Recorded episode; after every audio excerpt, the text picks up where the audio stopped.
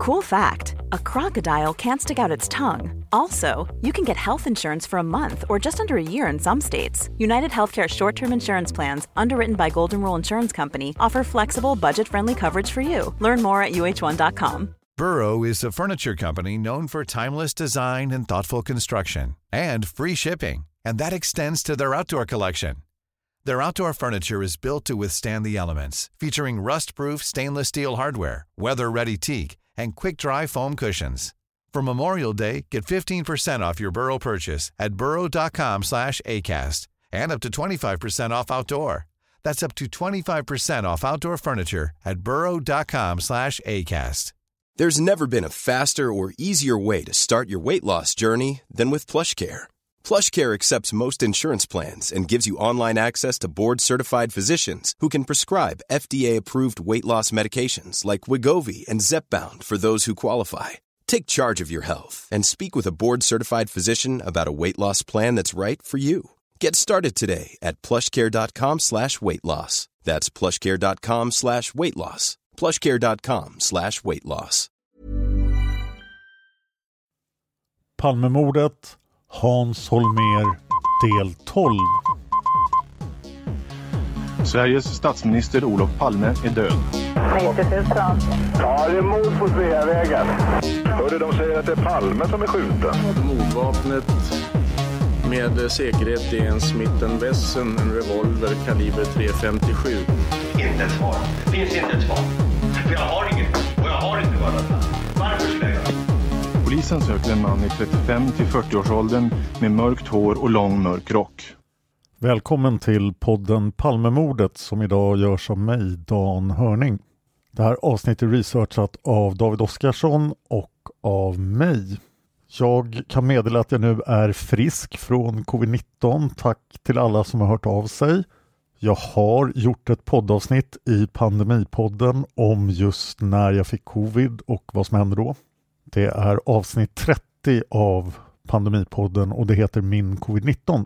Jag kan låta lite sjuk idag men det beror inte alls på covid. Jag är fullständigt återhämtad och det är ganska fort att bli frisk också eftersom jag var dubbelvaccinerad med Pfizer. Men idag lider jag lite av allergi, så om ni hör något konstigt så är det bara allergi. Jag har inte glömt polisspåret. Om Patreon når 500 dollar så har jag sagt att polisspåret ska fortsätta. Det är de svåraste avsnitten att göra i den här podden. Men jag har fått ett antal donationer via Swish där folk har skrivit polisspåret och de räknas ju givetvis. Till nästa Hans Holmér-avsnitt ska jag räkna på det och se hur mycket vi kan sänka målet på Patreon. Men om ni vill sponsra podden så gör ni det bäst på Patreon. Ni kan också via Swish. Swish-numret finns i avsnittstexten. Kom ihåg att skriva Palmemordet på swishen. Palmemordet får de flesta swisharna av mina poddar men jag måste veta att det är för den här podden. Vill ni ha något speciellt spår så säg till i swishen också så skriv Palmemordet Christer Pettersson till exempel. Palmevandringen den 28 februari är givetvis inställd med tanke på pandemiläget just nu med smittrekord varje dag. Vi kommer återuppta de årliga Palmevandringarna när Stockholm inte haft något fall på två veckor eller WHO har deklarerat att pandemin är över och det kommer förmodligen ta ett ganska långt tag innan dess. Jag ska också nämna att eh, på grund av det som hände förra veckan, då, att vi faktiskt missade ett avsnitt, så letar jag efter folk som vill hjälpa till med den här podden. Det kan vara allting från att göra research till att faktiskt göra avsnitt.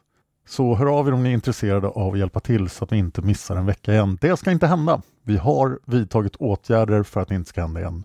Men vi behöver all hjälp vi kan få, sponsring eller hjälp med arbetet med podden. Kontaktuppgifterna finns i avsnittstexten nu över till Hans Holmer.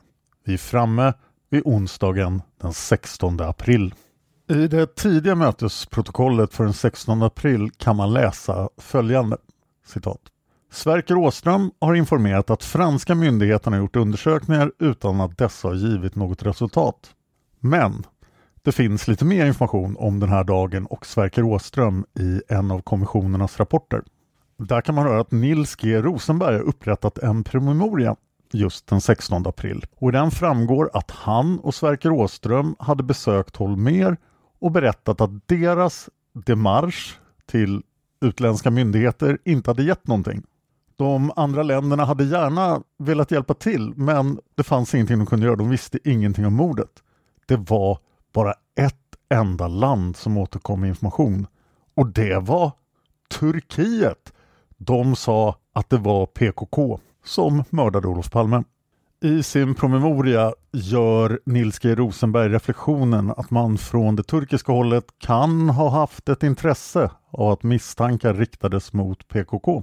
Spaningsledningen, ja, de jobbar på hårt. Det är fortfarande två möten varje dag. Ann-Marie Åseden har en väldigt målande beskrivning av hur det går till i spaningsledningen i en artikel från DN 1987. I artikeln kan man läsa citat Spaningsledningens samvaro utvecklas allt mer till ett slags samboende. Under långa dagar och kvällar gnuggas dessa män mot varandra. Med obeveklig konsekvens förs de närmare varandra av den säregna omständigheten att Sveriges statsminister har skjutits på öppen gata. Distanser minskar och respekter ökar inom kärntruppen. Som grupp är de ömtåliga och starka på samma gång. De delar måltiderna som oftast består av hamburgare och pommes frites på ledningsbordet. Någon gång slår de till med oxgryta eller en rejäl köttbit som hämtas i polisbil från någon närbelägen restaurang. De har sitt roa, mustiga polisspråk som hela tiden tillförs ny näring ur den verklighet de handhar. De svetsas samman under pressen att hitta Olof Palmes mördare. Risken att misslyckas är det gemensamma hotet. Chansen att lyckas är det gemensamma målet. Slutcitat. I artikeln uttalar sig också Holmer och han säger då från den här tiden citat. Om vi inte grejar det kommer vi nog inte att vilja se varandra. Så enkel är den, skillnaden mellan succé och fiasko. Antag att vi får reda på vem mördaren är eller vilken organisation som ligger bakom men inte kan hitta honom eller dem. Det allra värsta resultatet är nog om vi kan binda någon vid brottet utan att kunna lagföra det. Åh, vilken arbetsuppgift! Slut citat. Det finns gott om godbitar i spaningsledningens protokoll från den här dagen. Man kan läsa att SIFO-undersökningar visar att 50% av Stockholmsområdets befolkning har besökt mordplatsen tre veckor efter mordet. 69% anser att polisen gör ett gott arbete. Det skulle kanske inte bli utlåtande idag om vi sammanfattar Palmeutredningen. Man kan också läsa att övervakningsförhör med personerna på Grand förbereds.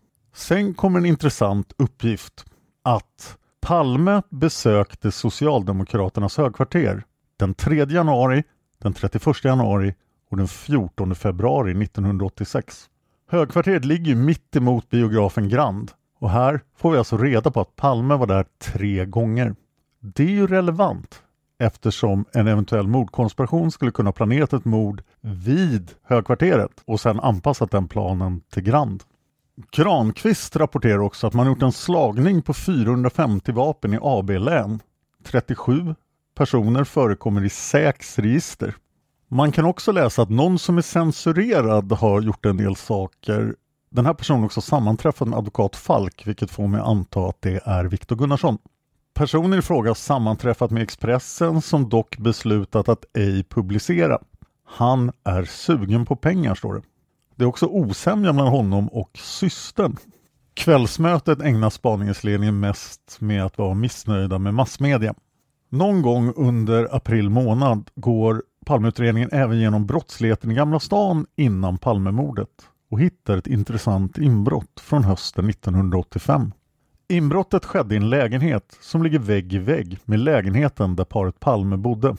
Det här rörde sig om ett väldigt professionellt inbrott. En stor mängd värdesaker försvann. Hans Holmér gjorde reflektionen att en professionell mördare skulle ha ansträngt sig för att få inbrottet att verkligen se ut som ett inbrott. Därefter genomsöktes grannlägenheten tum för tum efter avlyssningsutrustning. Men Palmeutredningen kunde inte hitta några som helst spår av avlyssning. På kvällsmötet den 17 april kan man läsa följande.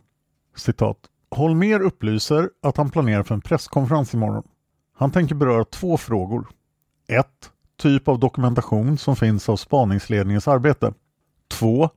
Allmänt prat om tankar och hypoteser omkring mordet. Han har ej för avsikt att avslöja vad polisen tycker.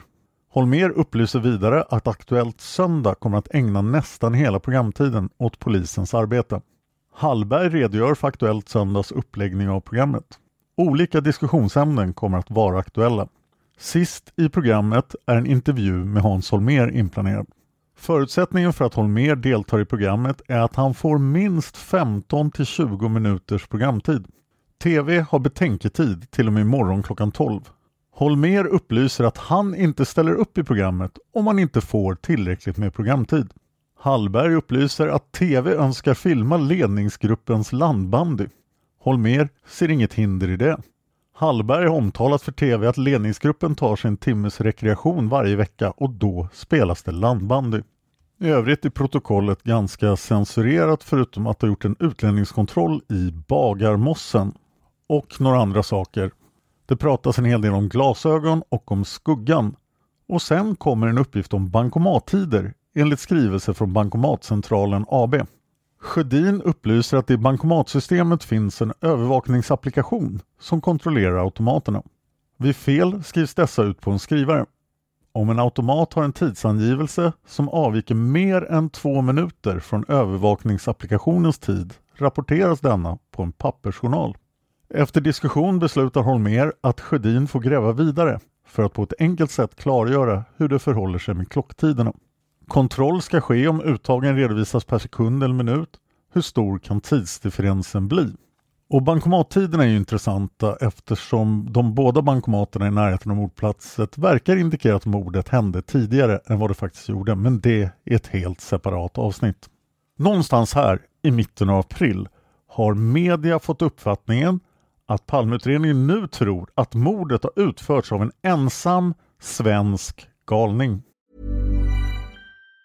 Even on a budget, quality is non-negotiable. That's why Quince is the place to score high-end essentials at 50 to 80% less than similar brands. Get your hands on buttery soft cashmere sweaters from just 60 bucks, Italian leather jackets, and so much more. And the best part about Quince, they exclusively partner with factories committed to safe, ethical, and responsible manufacturing. Elevate your style without the elevated price tag with Quince. Go to quince.com slash upgrade for free shipping and 365-day returns.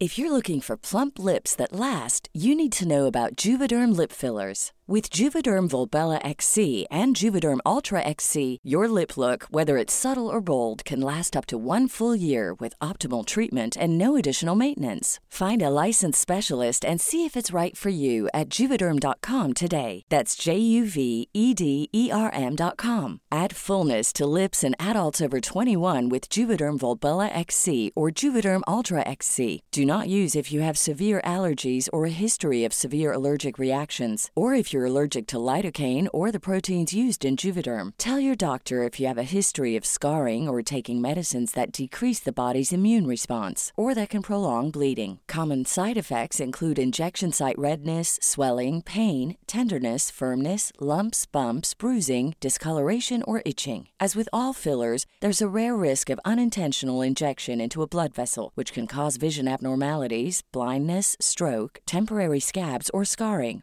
For full important safety information, visit juvederm.com.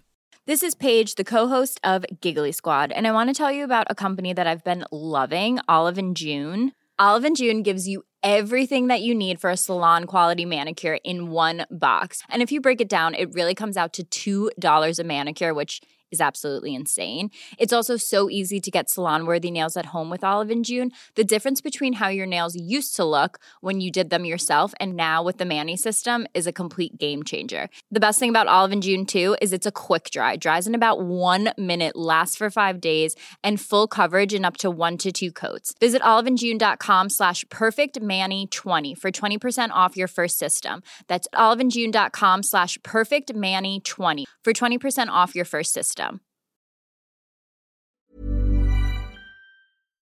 Hans Holmér säger i Åshedens artikel i DN från den 25 juli 1987 om situationen i april. Citat. Alla säger till mig att nu pratar vi om en galning längst ut på kanten, eller hur? Bra att vi har haft med honom hela tiden. Det hade varit jättelätt att springa iväg åt kurdhållet och när det hade spruckit hade vi tvingats backa hela vägen tillbaka. Slutcitat. Backa hela vägen tillbaka påminner ju lite grann om det Ulf Karlsson kommer att behöva göra i februari 1987. I artikeln påpekar också Hans Holmér att walkie-talkie-hypotesen finns fortfarande kvar. Han säger att det är den och den ensamma vargen-hypotesen som nu glider mot varandra. Holmér säger citat Det knepiga är att få klarhet i hur mördaren visste att de skulle gå på bio. Det finns bara ett sätt och det är att följa efter dem. Om han inte haft en vansinnig tur. Slut citat. Fredagen den 18 april får tipsmottagarna in sitt åttonde tips om att det faktiskt är Ulf Ekman, ledaren för Livets Ord i Malmö, som ligger bakom Palmemordet. Tipsen innehåller beskyllningar om att Ulf Ekman hjärntvättade människor, att han har sagt att socialismen är djävulens redskap samt att han vid bönemöten har sagt att Sverige behöver en ny regering och att Palme ska bort. Hans Holmér blir inte övertygad om att Livets Ord ligger bakom Palmemordet. På lördagen den 19 april gör Hans Holmér ett uttalande som lyder som följer. Det här är ett skriftligt uttalande som är adresserat från Polismyndigheten i Stockholm, länspolismästaren. Citat. Expressen brukar inte vara buskablyg när tidningen beskriver sin roll i samhällsdebatten och sitt ansvar för de många läsarna. Hur kan man då handla så aningslöst och oansvarigt som tidningen nu har gjort? Ena dagen ropar man otåligt efter resultat i spaningarna efter Olof Palmes mördare. Andra dagen stjäl man dyrbar tid från polisens arbete. Det som ger mig anledning att säga detta är en händelse som inträffade igår. Det visade sig inte ha dyft med mordutredningen att göra men den band under flera timmar viktiga resurser och skapade oreda i spaningarna. Efter att tydligen ha gjort flera ansträngningar lyckas en journalist från Expressen övertala en omdömeslös vapenhandlare att ställa upp med en revolver för några bilder och ett reportage i kvarteren runt Johannes kyrka. Vapenhandlaren placerar revolvern, som är av det slag polisen letar efter, i en lövhög på kyrkogården.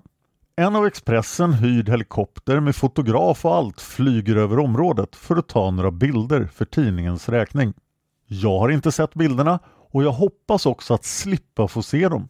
Under tiden kommer en ABAB-vakt förbi och ser revolvern i lövhögen. Hon går genast och larmar polisen.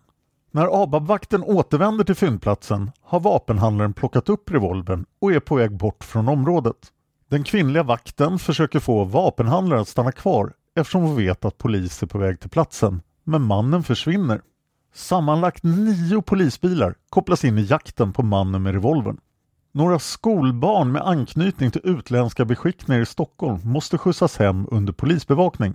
Först efter flera timmars intensivt polisarbete står det klart för oss vad det är som egentligen har hänt. Vad blir nu följden av det hela? Vapenhandlaren som tubbats av Expressen med några hundralappar och kanske en annan inblandad person har efterräkningar att vänta. I övrigt fortsätter polisarbetet som förut. Det kan beskrivas och värderas på olika sätt. Jag nöjer mig för dagen med att konstatera att vårt arbete inte är lätt. Om polisen i sitt spaningsarbete har gjort några fel eller kommer att göra fel så tar jag ansvaret för det. Jag har inte skyllt ifrån mig på någon annan och jag kommer heller inte att göra det. Men jag frågar mig en sak. Vem är beredd att ta ansvaret för den här sortens journalistik. Slut citat. I april har också Hans Holmér ett samtal med sin trogne vapendragare Wranghult huruvida de faktiskt skulle klara en granskning av deras arbete, speciellt angående vad som hände under den första natten efter mordet. Ann-Marie Åsheden har en lång passage om det här samtalet som jag vill citera i sin helhet. Den kommer från Dagens Nyheter i juli 1987. Kritiken mot polisens agerande den första natten sitter som en liten tagg i skinnet på Hans Holmér. Hela den första månaden sköt han undan alla tankar på den natt då Olof Palme mördades och då han själv hade gjort sig onåbar och sov så gott på ett hotell i Borlänge. Under april finns det mera andrum och en dag drar han sig undan med Hans Wranghult för att tala igenom vad som egentligen hände den första natten och vad det innebär. Wranghult var inte heller med. Han var på sportlov i Dalarna och tog sig ner till Stockholm helikopter och flyg på lördagsförmiddagen den 1 mars. De går igenom den ställföreträdande ledningens handlande och de jonglerar med de polisbilar som rörde sig i området kring mordplatsen. Bara ett par minuter efter skottet var två polisbilar på plats. En av dem var en piket. Fyra poliser från den rusade omedelbart upp för trapporna. Där uppe delade de sig i två patruller varav den ena sprang ner David Bagares gata och den andra mot Johannes kyrkogård. 15 till 20 minuter efter mordet cirkulerade fem polisbilar i området kring mordplatsen. De enas om att den första natten kommer att bli en ödesfråga för polisen om man inte lyckas ta fast mördaren. Det är lätt att efterklok inser de, men har båda fått intrycket att polisen var alltför passiv de första timmarna. Holmer konstaterar, de härjade inte som de borde ha gjort. Jag tror inte vi klarar den granskningen. Det är inte bra." Slut citat. I samma artikel finns det ett citat också när Holmer får reda på att 65 procent av de som Sifo frågade tyckte att polisen gör ett bra jobb. Han ska ha kommenterat det med följande uttalande citat. Vi beslöt omedelbart att anhålla den återstående tredjedelen. Slutcitat. Det tror jag inte hände utan det var mera Holmers humor. I spaningsledningens eh, kvällsmötesprotokoll från söndagen den 20 april kan man läsa att scientologkyrkan har haft en dödslista och där var Olof Palme högst upp på listan. Det här leder till att en promemoria upprättas inom Palmeutredningen den 21 april 86, alltså på måndagen. I promemorian finns en kort redogörelse för scientologikyrkan och en organisationsplan för scientologikyrkan med närstående organisationer. Det är också den 21 april som KG Svensson upprepar sin begäran skriftligen. Han vill få ta del av förhöret med Lisbeth. Det har alltså gått nästan en månad och KG Svensson har inte fått ta del av förhöret med Lisbeth. Det är ju anmärkningsvärt eftersom han ju är ansvarig åklagare. Samma dag, den 21 april, rapporterade KG Svensson resultaten från FOAs provskjutningar till ledningsgruppen. Han begärde skriftligen att husfasaderna vid Sveavägen skulle undersökas för att spåra eventuella anslagsmärken. Hans Holmér beslöt att den undersökningen kunde vänta och den kom aldrig till stånd.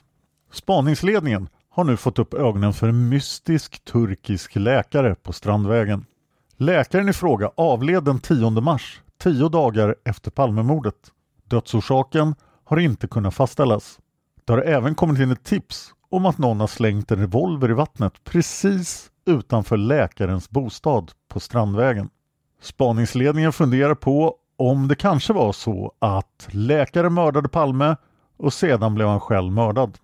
Den som tog hand om läkarens kropp och skickade den till Turkiet visade sig vara ägaren till en mataffär på Birger Jarlsgatan, precis där Snickarbacken slutar. Det är ju flyktvägen. Dessutom finns den turkiska läkaren i Viktor Gunnarssons adressbok. Men, spoiler, spåret med den turkiska läkaren leder ingenstans.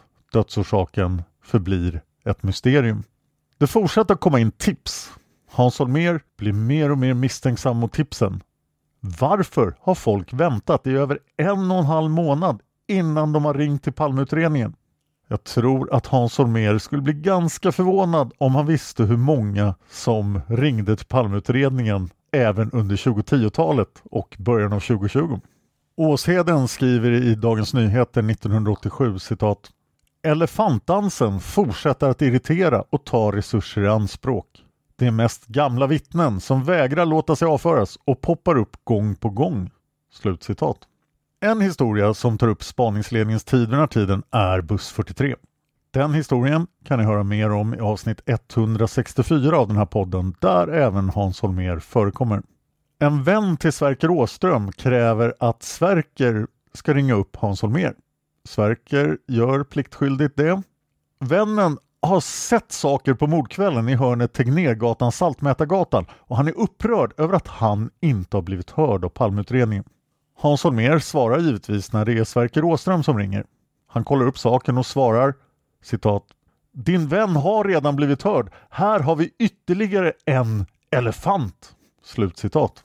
Trots alla de här tipsen, buss 43 etc. så är det som tar mest tid i utredningen fortfarande Viktor Gunnarsson. Viktor säger konstiga saker och dyker upp överallt men Hans Holmér kan inte binda honom till Palmemordet. Det kan däremot Börje Wingren tycker han Börje är fortfarande helt övertygad om Viktor Gunnarssons skuld och han vill prata med Hans Holmér mest hela tiden. I mötesprotokollen från den 21 april kan man läsa att Sovjetunionen, Ungern och Norge alla vill göra intervjuer med Hans Holmér för TV.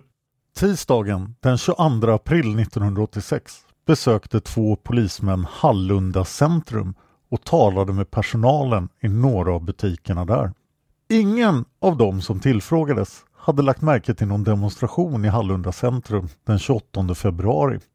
De här två polismännen är förstås ute efter EAP, men det får ni höra mer om i EAP-spåret som vi ännu inte har gjort. KG Svensson får på tisdagen protokollet från förhöret med Lisbeth som han ju så gärna ville läsa. Hans Wranghult får mot slutet av april en insikt. Han skriker ut i Palmerummet citat Mördaren måste vara en optiker. Slutcitat. Det är glasögonspåret som fortfarande är högaktuellt. Glasögonen på Snickarbacken som Palmeutredningen på något sätt har fått för sig har med mordet att göra. Det hela blir ett fiasko. Glasögonen tillhör en kille som har alibi och även en bra förklaring till hur glasögonen hamnade på Snickarbacken. Ridå. Samma dag, tisdagen den 22 april, ringde en namngiven person från kansliet på Kumlafängelset. Det här kommer från granskningskommissionen. Han uppgav att under 1983 satt en person vid namn Christer Pettersson på anstalten för mordförsök. Christer Pettersson var enligt uppgiftslämnaren fullkomligt galen. Uppslaget är mycket kortfattat. Uppgiftslämnaren måste rimligen ha sagt något mer om vad som fick honom att ta kontakt med mordutredningen. Någon anger det här uppslaget som färdigbearbetat den 29 augusti 1986 och Christer Pettersson blir inte intressant för Hans Holmér. På morgonmötet den 22 april blir det en redogörelse för personalsituationen i dagsläget. Linder redogör för KK1. Det är 42 polismän inklusive Linder själv, en dataadministratör, tre skrivpersonal och de är ordinarie samt 10 tipsmottagare. Lange redogör för KKT och det är bara Lange och Gruvedal. Pettersson redogör för SPAN.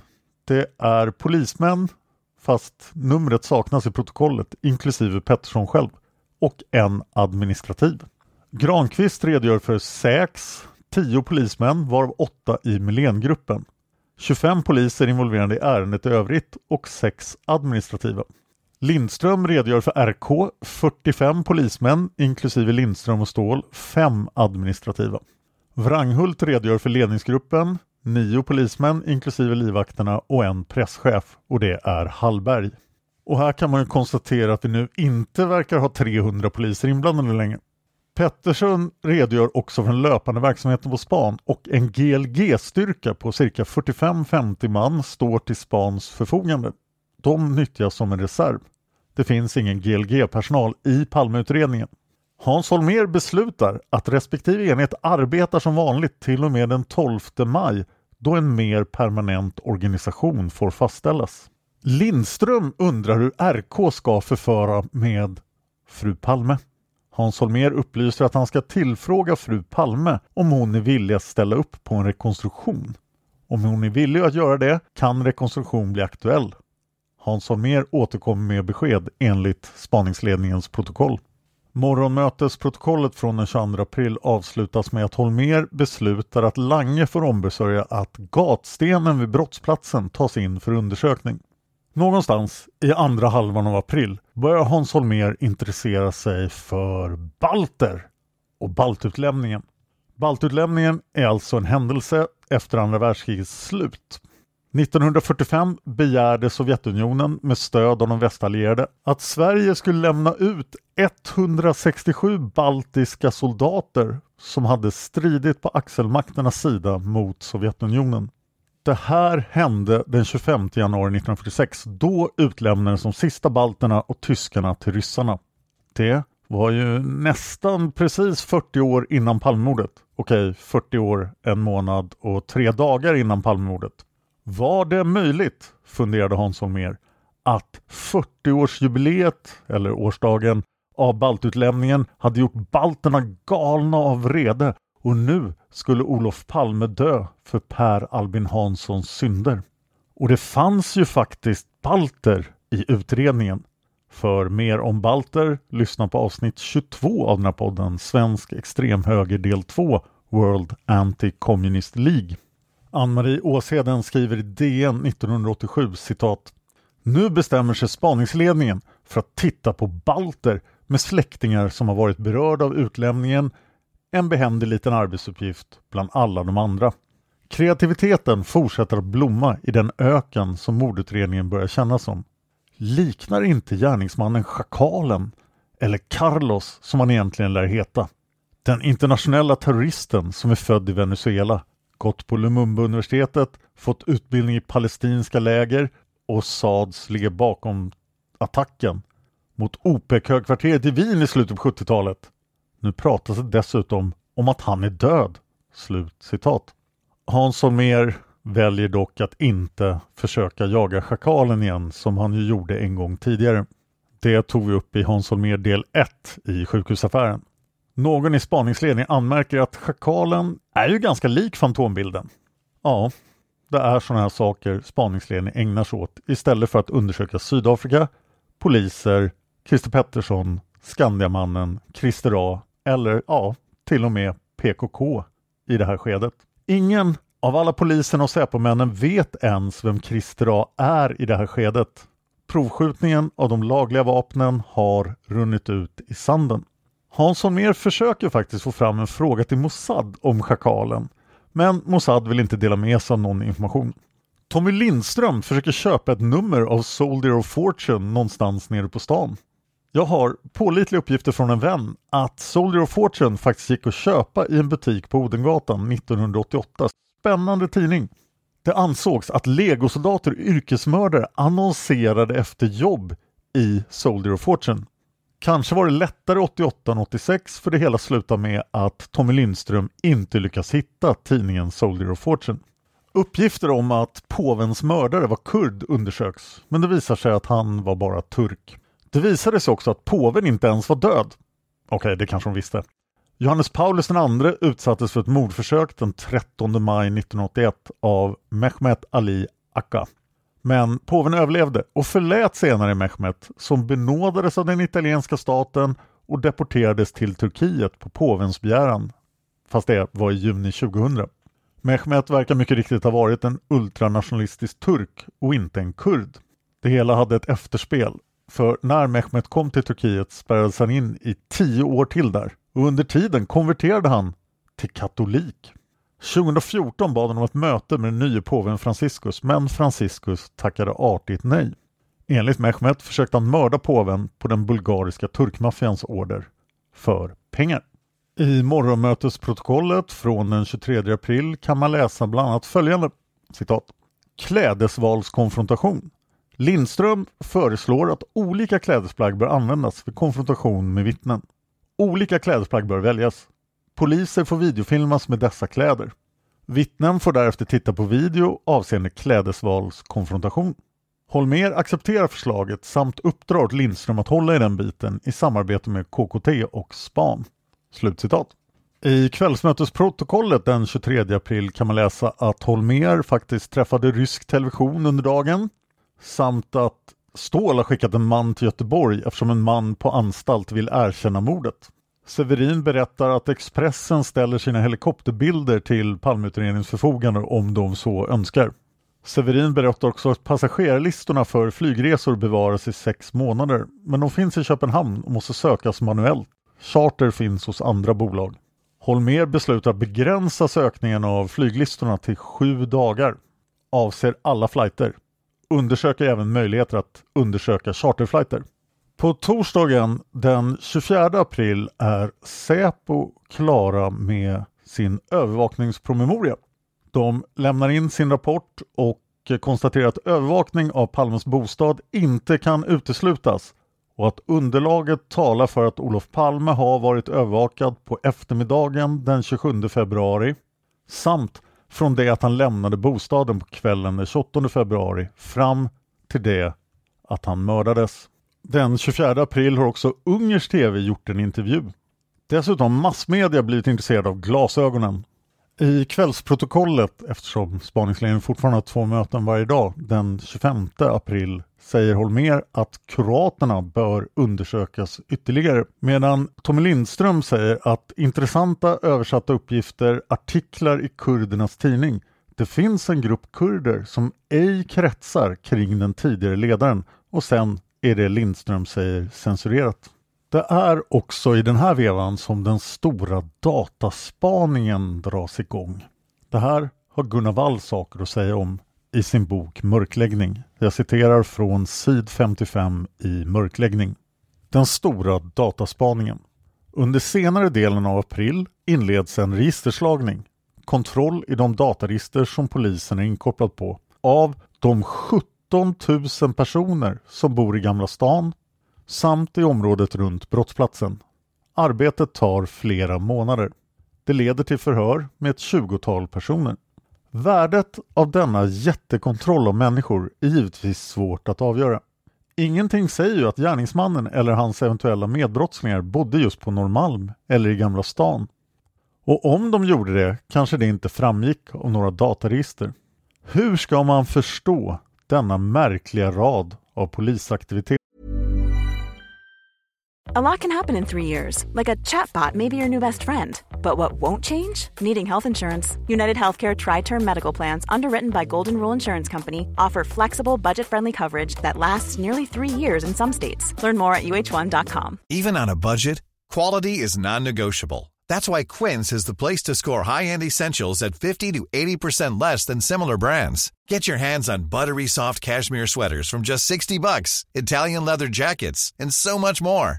And the best part about Quince, they exclusively partner with factories committed to safe, ethical, and responsible manufacturing. Elevate your style without the elevated price tag with Quince. Go to quince.com slash upgrade for free shipping and 365-day returns. Here's a cool fact a crocodile can't stick out its tongue. Another cool fact you can get short term health insurance for a month or just under a year in some states. United Healthcare short term insurance plans are designed for people who are between jobs, coming off their parents' plan, or turning a side hustle into a full time gig. Underwritten by Golden Rule Insurance Company, they offer flexible, budget friendly coverage with access to a nationwide network of doctors and hospitals. Get more cool facts about United Healthcare short term plans at uh1.com. Mycket kan helt enkelt ha handlat om att sysselsätta de stora skaror poliser som med nödvändighet var inkopplade på mordet under det första skedet. Dessutom är det ingen tvekan om att Hans Holmér ansåg att sådant som skulle göra sig i massmedia hade högsta prioritet. Hans Holmérs tid som spaningsledare kretsar i självverket kring massmedia. Inte minst sedan han kommit i konflikt med åklagarna blev det viktigt för honom att se till att det var hans uppfattning som gick ut som mordutredningens officiella. Slut citat Gunnar Wall. Det blir lördagen den 26 april 1986. Palmemordet har nu varit första sidesnyhet i 57 dagar. Men den 26 april inträffar någonting som kommer att konkurrera med Palmemordet på löpsedlarna. Klockan 01.23.45 på natten till lördagen händer en grej strax norr om Kiev. Reaktor 4 på kärnkraftverket i Tjernobyl i utkanten av staden Pripyat exploderar och ett moln med radioaktiva partiklar sprids med vindarna över stora delar av Europa. Fast det vet ingen i Sverige än. Och medan radioaktiviteten från Tjernobyl glider in över Sverige börjar Hans Holmér mer och mer ledsna på KG Svensson. Nästa avsnitt kommer att handla mycket om konflikten med åklagarna. Här följer ett kort klipp där Hans Holmér berättar lite om vad han tyckte om åklagarna. När vi, när vi träffades, eh, jag tror det var i september när vi talade om det så berättade du, eller sa du att, eh, ja, det, var, det måste väl ha varit före oktober sammanträdet den 6 januari att, eh, så att säga, åklagarna inte, jag tror att de här direkt citerade inte hade, kom, inte hade lämnat Sveavägen vid den tidpunkten. Mm. Eh, att de så att säga låg, låg efter va? eller mm. man kan beskriva det. Ja, ja, Han, var ni aldrig i fas med varandra någon gång? Nej, vi, vi upplevde det inte så. Eh, Vi, vi, vi saknade väldigt mycket eh, engagemang. Och jag frågade, kan du ge exempel på vilka ledningsåtgärder var det som du ville ha i det här skedet ifrån åklagarnas sida?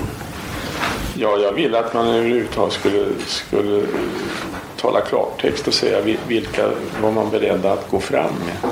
Vad var man beredd att göra. Vi fick alltså inte något eh, gensvar på, på det material som vi, vi lämnade dem. Eh, inte det, jag menar då inte materialet i, i stort utan jag menar de, de sammanställningar, de försök att precisera arbetsläget som gjordes från min sida och från andra sidan. Eh, det var först i, i slutet på året som vi fick någon hum om vad man tyckte i den delen. Eh, Solveig Riberdahl skrev några, några promemorior som svar på, på eh, papper från vår sida. Det var ansatser till, till den typen av resonemang. Men det var ingen tvekan om att, att någon, de hade inte ledningen av förundersökningen. Det var inte de som tog initiativen. Vi försökte skjuta dem framför oss och få dem att reagera.